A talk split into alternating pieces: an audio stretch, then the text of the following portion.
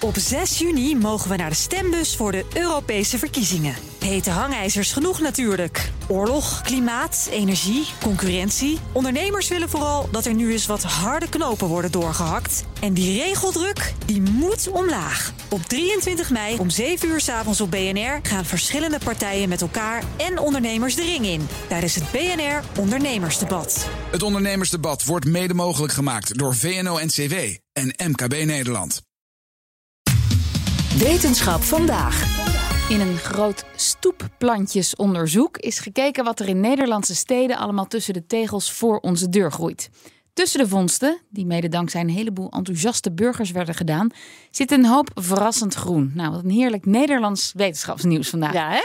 Wetenschapsredacteur Carlijn Meiners is hier. Nou, Carlijn, daar gaat volgens mij heel wat werk in zitten. Al die kleine sprintjes. Ja, daar gaat uh, heel veel werk in zitten. En nou kan ik begrijpen dat er misschien mensen zijn die denken: stoepplantjes, stoepplantjes. Wat hebben die nou in hemelsnaam voor impact? Uh, wieden dat onkruid. Maar luister eerst even naar dit veelomvattende pleidooi voor hun behoud. door de wetenschapper achter dit onderzoek, Nienke Beets van de Universiteit Leiden. Stoepplantjes die verkoelen de stad. Ze zorgen dat water sneller wegloopt als het regent, omdat hun wortels de bodem gezond houden. Ze zorgen voor schone lucht, omdat ze fijnstof opvangen. Ze zijn goed voor je brein, want groen in je omgeving werkt ontspannend. En ja, het is goed voor de natuur en de biodiversiteit in de stad.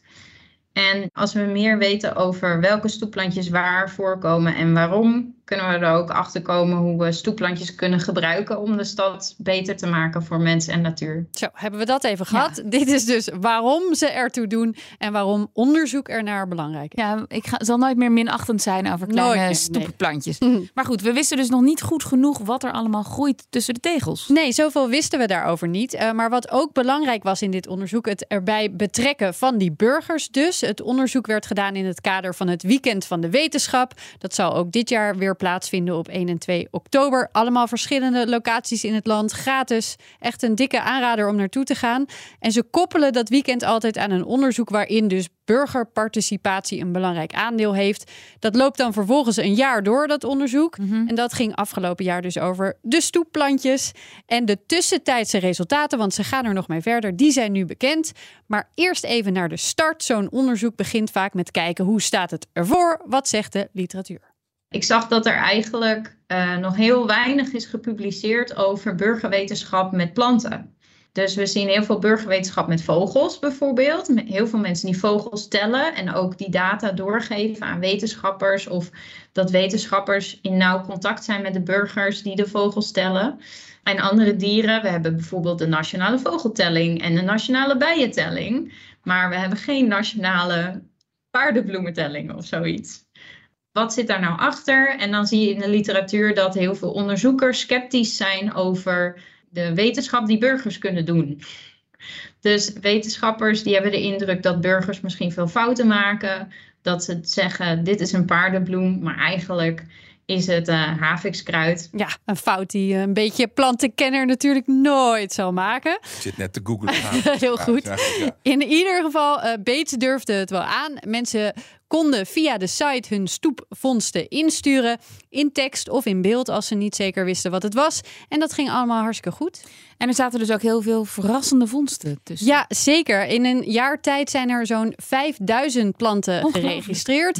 De meest voorkomende kunnen jullie denk ik wel raden, de nummer 1. Boterbloem? Nee. Wat liefje? Nee. Nou. Is toch niet zo makkelijk. Dus hij... Die ene waar je met dat bolletje die je weg kan blazen. Hoe heet ja, precies. Paardenbloem. Paardenbloem. Ja, dat is de nummer één, inderdaad. um, maar het mooie is dus dat er ook 27 zeldzame en 12 zeer zeldzame plantjes tussen zaten. Gewoon in de steden dus. Om daarachter te komen ja, dat het een zeldzaam plantje is. Daar hebben mensen ook echt wel wat meer moeite voor moeten doen dan alleen maar eventjes een beetje naar beneden kijken. Er zijn zelfs experts mee gaan doen aan het onderzoek, omdat ze dat toch ook wel interessant vonden. En dan krijg je dit soort bijzondere soorten. Heel veel van die namen, die zullen de meeste mensen niet zoveel zeggen. Zoals de Texaanse ganzenvoet of uh, Afrikaanse bolletjeskool.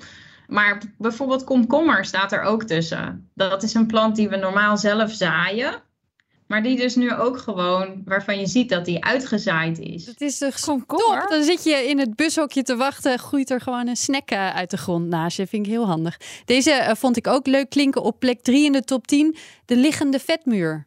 Heel schattig plantje is dat. Zoek ook maar eens. ben al bezig. Ja. Maar dat onderzoek dat stopt dus niet. Nee, nee, door. iedereen kan nog meedoen. Het duurt zeker nog tot de zomer van 2025. Komen ook allemaal zijprojecten nog. Ze willen misschien met warmtecamera's gaan kijken hoeveel verkoeling zo'n plantje nou brengt. En of dat dan per plantje nog heel erg verschilt. Maar ze denkt bijvoorbeeld ook aan panels waarin dan iemand van de gemeente zit. Een bioloog, een hovenier, burgers. Om dan samen te kijken hoe er nog meer uit zo'n samenwerking gehaald kan worden.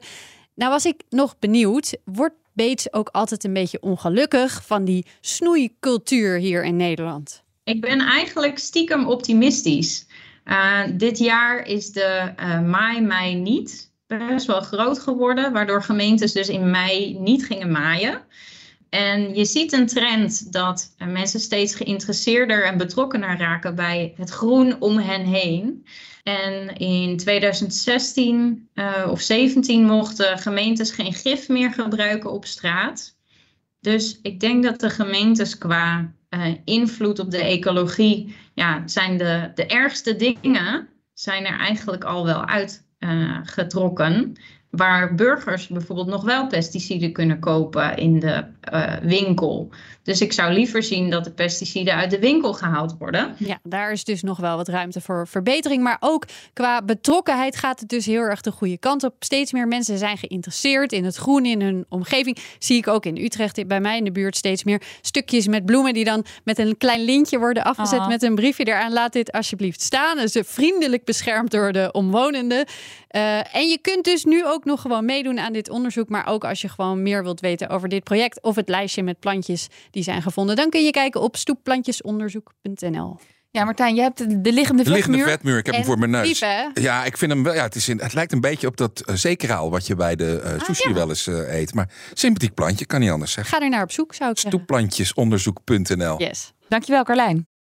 Op 6 juni mogen we naar de stembus voor de Europese verkiezingen. Hete hangijzers genoeg natuurlijk. Oorlog, klimaat, energie, concurrentie. Ondernemers willen vooral dat er nu eens wat harde knopen worden doorgehakt. En die regeldruk, die moet omlaag. Op 23 mei om 7 uur 's avonds op BNR gaan verschillende partijen met elkaar en ondernemers de ring in. Tijdens het BNR Ondernemersdebat. Het ondernemersdebat wordt mede mogelijk gemaakt door VNO-NCW en MKB Nederland.